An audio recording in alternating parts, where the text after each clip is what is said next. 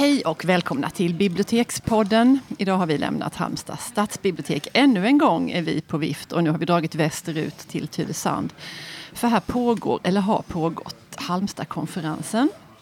Jag heter Elisabeth Skog, jag är bibliotekarie och med mig har jag som alltid min kära kollega det är jag det, ja. Jeanette Malm heter jag. Ja, och vi sitter här med ingen mindre än Maj-Gull Axelsson. Vi sitter lite på rad, känns det okej? Okay? det känns ja. helt okej. Okay. Vad härligt. Um, rubriken för ditt anförande här på konferensen det var så här. Grader i helvetet om förtryck och hierarkier bland minoriteter med utgångspunkt från romanen om Miriam. Och då tänkte vi börja med om du ville berätta lite grann om, om den här punkten som du har haft. Eh, ja, alltså jag blev ju rätt så förtjust när jag såg för rubrikförslaget och anslöt mig direkt. Men sen blev jag lite nervös efteråt eh, när jag väl hade bestämt det. Därför att det här med grader i helvetet, det påminner mig om den där gången när, när jag blev uppringd från Svenska kyrkan och de frågade mig om jag ville vara med och skriva en konfirmandbok. Mm. Och ville att jag skulle skriva avsnittet om helvetet. och jag blev, jag blev så oerhört chockerad den gången. Ja. Var det en komplimang eller en förolämpning? Ja, det, ja. Det, liksom, eh, innebär det att de tycker att jag frossar i elände. Mm. Och det kanske jag gör på, på, på något sätt. Men samtidigt så har jag kommit underfund med att jag tror nog att man kan betrakta mig som motsatsen till den gråtande clownen. Mm. Alltså att jag är... Jag skriver om sorgliga saker. Eh, därför att det är det enda jag uppfattar som riktigt meningsfullt. Mm. Mm. Och den senaste boken då, nu kommer ju ut en ny bok inom kort, men den senaste kom ut 2014. Och han heter, har titeln Jag heter inte Miriam. Och den handlar ju om romer och vad, vad som hände med romerna under förintelsen. Mm. Och det har jag inte läst någonting om tidigare så jag var ju tvungen liksom att börja från scratch mm. och lära mig ett och annat om vad det var som egentligen hände.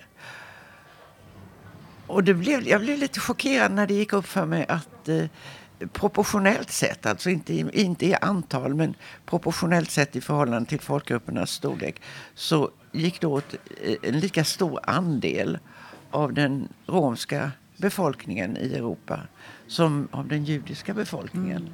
Men de var ju mycket färre. Men man räknar någonstans på den här minnesplatsen över romernas förintelse som finns i Berlin så säger man någonstans mellan 500 000 och 750 000 mm. romer som gick åt under, ja, under själva i lägren mm. helt enkelt. Hur kom du på att, du skulle, att det var just den här gruppen som du ville? Hur fick du idén? Ja, det, alltså det började ju med att jag ville skriva om, om de så kallade tattarkravallerna som numera mm. kallas för Jönköpingskravallerna. Vilket mm. är mycket rimligare eftersom det faktiskt inte var tattarna eller den resande gruppen som ställde till med några kravaller. Eh, och de ägde rum 1948 och det där har liksom legat i bakhuvudet på mig och kliat. Och jag har tänkte att någon gång skulle jag väl göra någonting om det. Och så åkte jag till Jönköping. Och under den resan så dök det plötsligt upp en idé om en kvinna som döljer sin romska härkomst när hon kommer till Sverige efter kriget. Mm. Eller i sluttampen på kriget. Och så fortsätter hon att leva sitt, hela sitt liv i Sverige som judinna mm. fast hon egentligen är rom. Mm. Och det, är ju, liksom, det var ju ett rimligt val av henne, tycker jag. Eh, I hennes kläder skulle jag nog ha gjort samma sak. Mm, mm. Det är mycket lättare. Det var mycket lättare att leva som judinna i Sverige efter kriget än det var att leva som rom. Dessvärre. Mm, mm, mm. Vi har ju läst lite klipp och lite grann från din väldigt digra författarbakgrund. Mm. Det var inte svårt att hitta citat om man säger så. Ett som vi fastnade för att du för en gångs skull efter att ha skrivit en Jag heter inte Miriam, att du inte var nervös inför recensionerna. De får tycka vad de vill har du sagt. för att det här ja. är min bästa bok. Håller du fast vid det eller var det något? Ah. Det vet jag inte. Eh, den bästa boken är ju alltid nästa bok. Ja. Men det är inte det i det här fallet, utan det är den nästnästa boken. Okay. nu går jag omkring och våndas inför för utgivningen av min nästa bok. Mm. Eh, men eh, när det gällde Miriam så var jag faktiskt ovanligt säker på min sak. Att mm. jag eh, struntar fullkomligt i, i vad recensenterna säger. Mm. Nu var ju recensenterna väldigt vänliga. Ja. Det, var, det var tydligen, jag läser inte så många recensioner själv, men min man gör det. Och han kom fnissande och sa att det var egentligen bara en som var riktigt sur. Och det var i någon av Göteborgstidningarna där, där recensenten hade retat upp sig på att jag inte var rom. Alltså, oj då. och eh, hade ändå haft mage att skriva mm. om det här. Men i övrigt så blev jag väldigt väl behandlad. Ja, vi hittade ett annat citat när vi höll på ja. läsa om det här som jag blev väldigt förtjust i. Nu är det inte du som har sagt det så du kanske inte tycker att det är så himla passande men jag gillade det eh, någon, jag tror det var någon i DN som skrev så här att boken handlar om att överleva koncentrationsläget men också om att överleva friheten. Ja, det gör den ju definitivt. Ja. Därför att eh, hade hon berättat vem hon egentligen var när hon mm. kom till Sverige så hade hon ju aldrig fått all den hjälp och allt det stöd som hon trots allt fick mm. när hon mm. kom med de vita bussarna. Mm. I verkligheten så var det egentligen bara två romer som kom, eh, romska kvinnor som kom med de visade Oj. Två stycken? Två ja. stycken, ja. Så vitt man vet. Det kan mm. ju ha funnits en och annan verklig Miriam mm.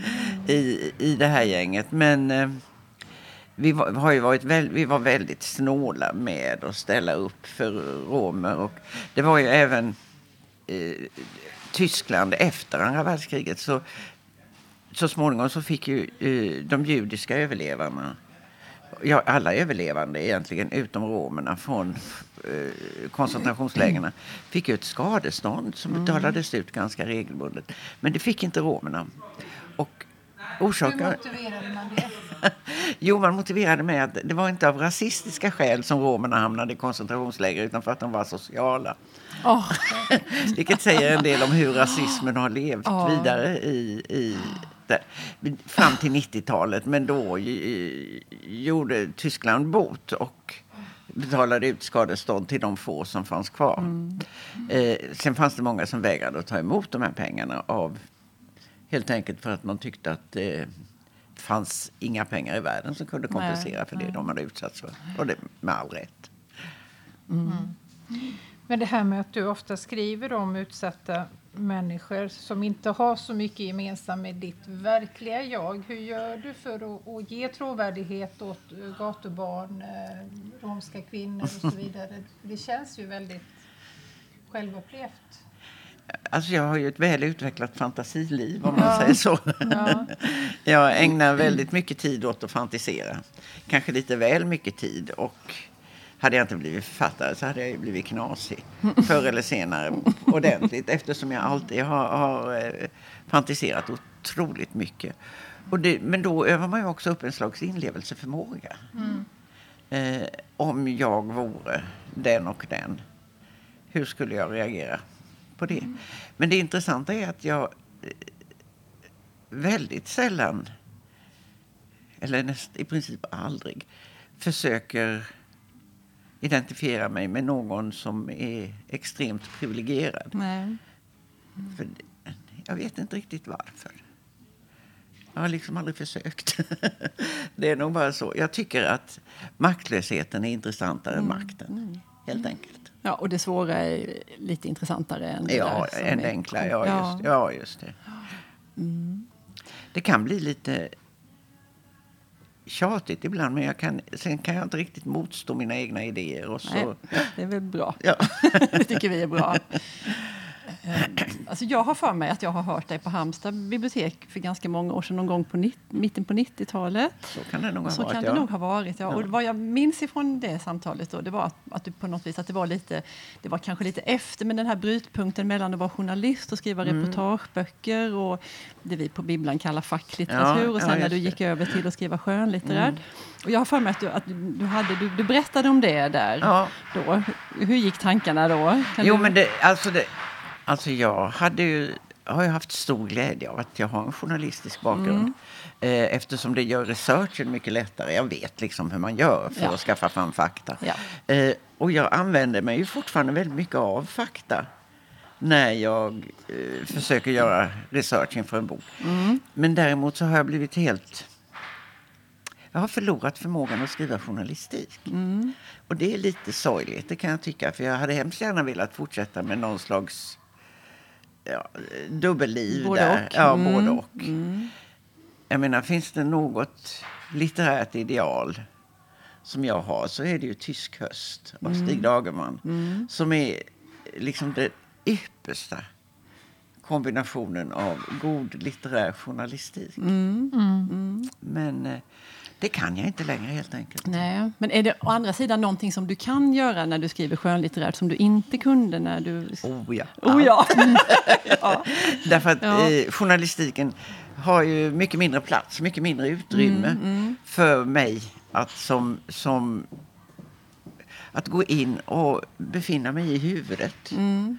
På en person. Jag kan använda mer av mina intryck och uh, upplevelser än jag kan göra som, som journalist. Jag kan beskriva väldigt subjektivt beskriva upplevelser mm. av platser, dofter, mm. allting annat. Mm. Sånt som inte riktigt hänger med in i journalistiken.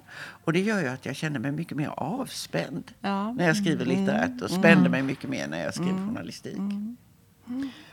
Jag inbillar mig också att det är enklare, eller att man når ut till fler personer, fler läsare om man skriver skönlitterärt. Vi är ju så himla upptagna med det här och, och sortera in litteraturen ja. i fack. Det är ju inte normala människor. Nej, så att säga. Men att man då i romanform, det, för, för, läsaren kanske inte formen spelar så stor roll, utan det viktiga är att det blir läst. Och ja. det, det, blir ju ändå, du har ju en ändå enorm förmåga att få fram det du vill. Ja, och det är just för att jag känner mig avspänd och känner mig fri när jag mm. skriver mm. på det här sättet. Mm. Och eh, ja, det är en stor lycka att jag hittade fram till det där mm. sättet.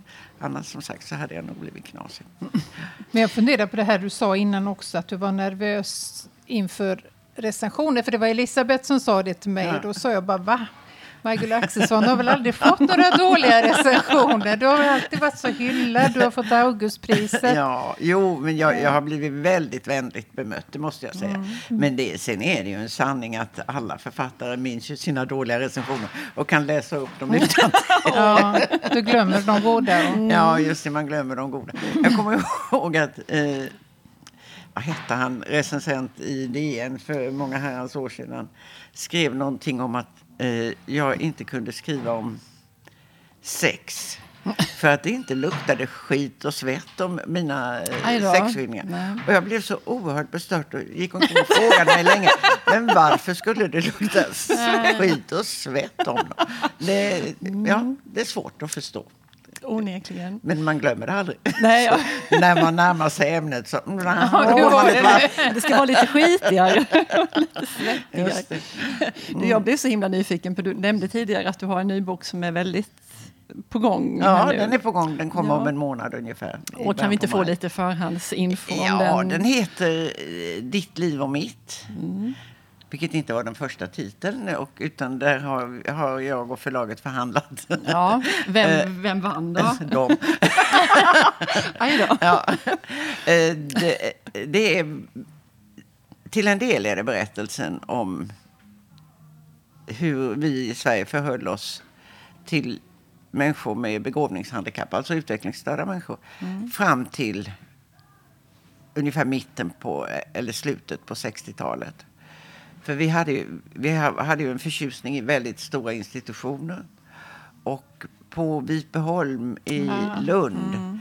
Eh, ja, Vipeholm är ju känt bland annat för de här kariesexperimenten. Mm. Oh. Men det var ju 40-50-tal. Men då gjorde man alltså experiment på levande människor. Gav eh, de här eh, människorna som inte kunde försvara sig och inte förstod vad det var som hände väldigt mycket toffee, alltså en kola som var speciellt kletig och fastnade mm. i tänderna för att man ville kolla om man kunde få karies av socker. Det kunde man, visade mm. det sig. Mm. Väldigt mycket karies till och mm. med. Och, men det berör jag inte så mycket utan jag talar mer om den här andra människosynen som fanns mm. helt enkelt.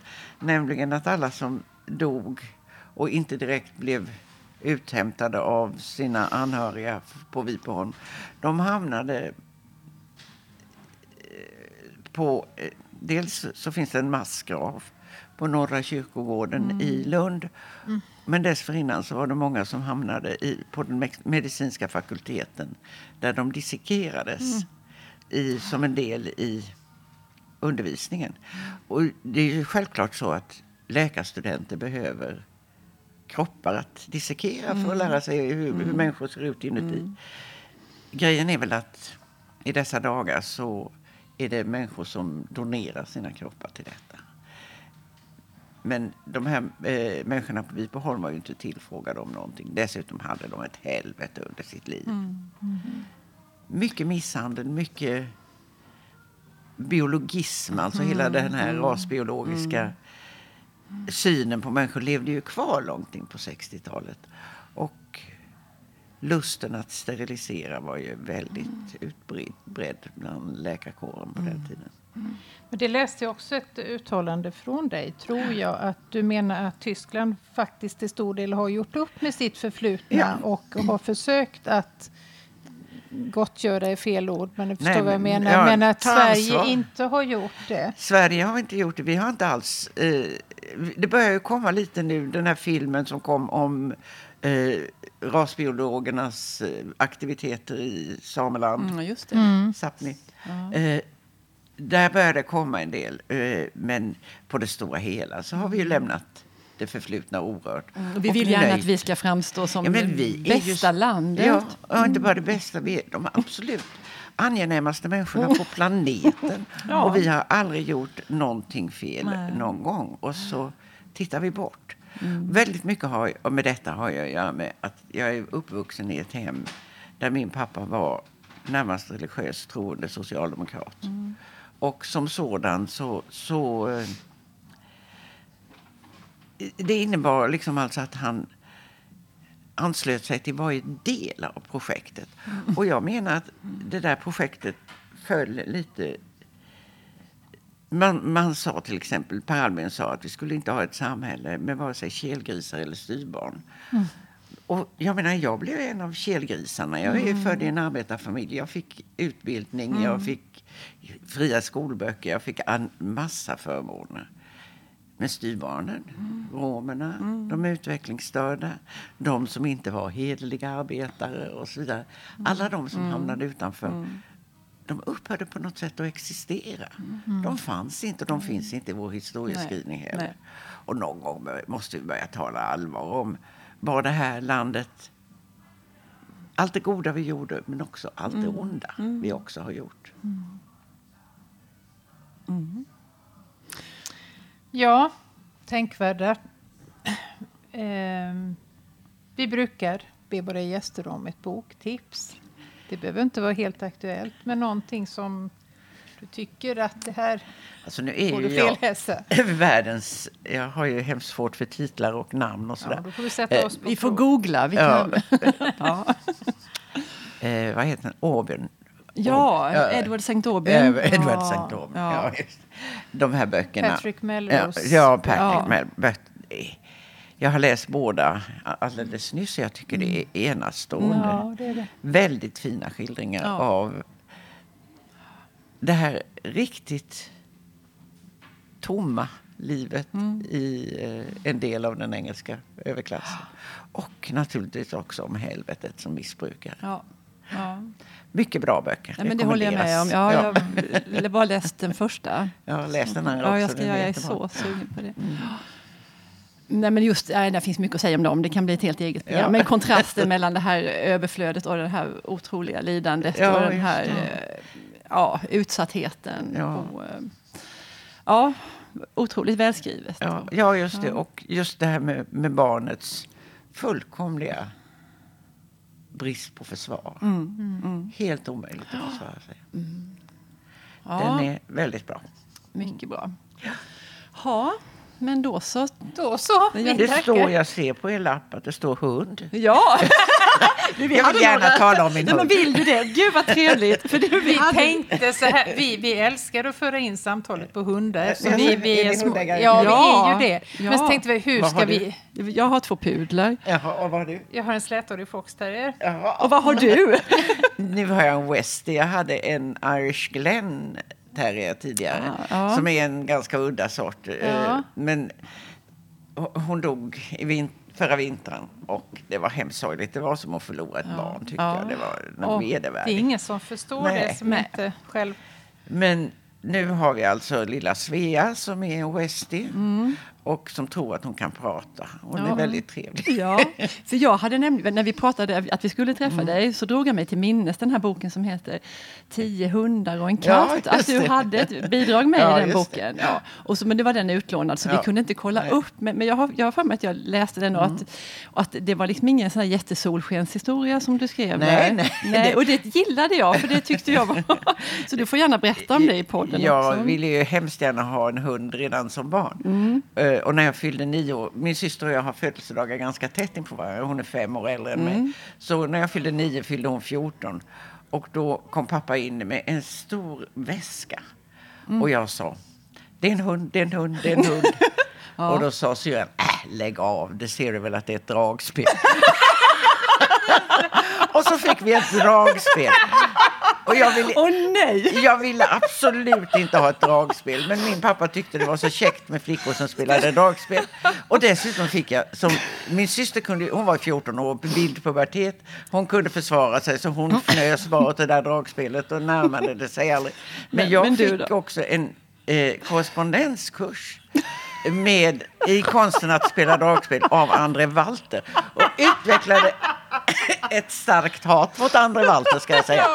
Ja, jag lyckades ju inte, ja självklart, självklart. Jag lyckades ju aldrig lära mig på egen hand, nio år gammal, med ett nytt dragspel och en korrespondenskurs. Men hur gick själva korrespondensen till? Ja, man fick, det, det kom, eh, var tredje vecka tror jag det var, det kom ett, ja, ett, ett litet brev, ja just det. Och så visade de hur man skulle hålla fingrarna och så Nej, det var hemskt. Ja, det var hemskt. det var vedervärdigt. Eh, men sen så gick det ett helt liv och jag hade ingen hund. Nej. Men när jag närmade mig 60 år och skulle fylla 60 så sa jag till min man, nu har du i 20 år bestämt att vi inte ska ha hund. No. Nu bestämmer ja, jag i 20 år att nu ska ja. jag, vi ha hund. Bra, och så ja. skaffade jag Molly. Mm. Jag vill säga. Och långsamt har min man blivit en väldigt entusiastisk mm. hundägare och nu är det duttenutt mm. hela tiden med ja. lilla Svea och han är väldigt förtjust i henne. Och, det brukar ju bli så ja, om man bara så. får ja, liksom hållas lite. Och visst blir man bunden när man har en hund men det är ju att vara bunden på ett väldigt trevligt sätt. Ja, det löser sig. Det säger jag till alla. Gör det bara. För det, där, det där praktiska, det löser sig. Ja, det gör ju det. För det, de flesta dagarna är man ju inte ute på... Nej, på vift. Nej. Nej. Och, och som författare så är det... Ja, som författare är det idealiskt att ha en liten hund liggande på golvet ja. Eh, när man sitter och skriver. Jag har hört flera som säger just det, att de av olika skäl, när de var små så kunde de inte bestämma själva och sen Nej. gifte de sig med någon eller fick för sig att de inte kunde. Men som just det där i, runt pensionen säger nej nu ska jag minsann, nu ska jag, nu ska jag ha en hund. Ja. Absolut. Det ja. är verkligen värt besväret. Det är grejen. Det får bli vårt slut. Ja. vi tar inget ansvar dock för uh, följderna. Utan det får, får kolla upp rasvalet noga innan. Ja, det vill vi ha sagt. Ja.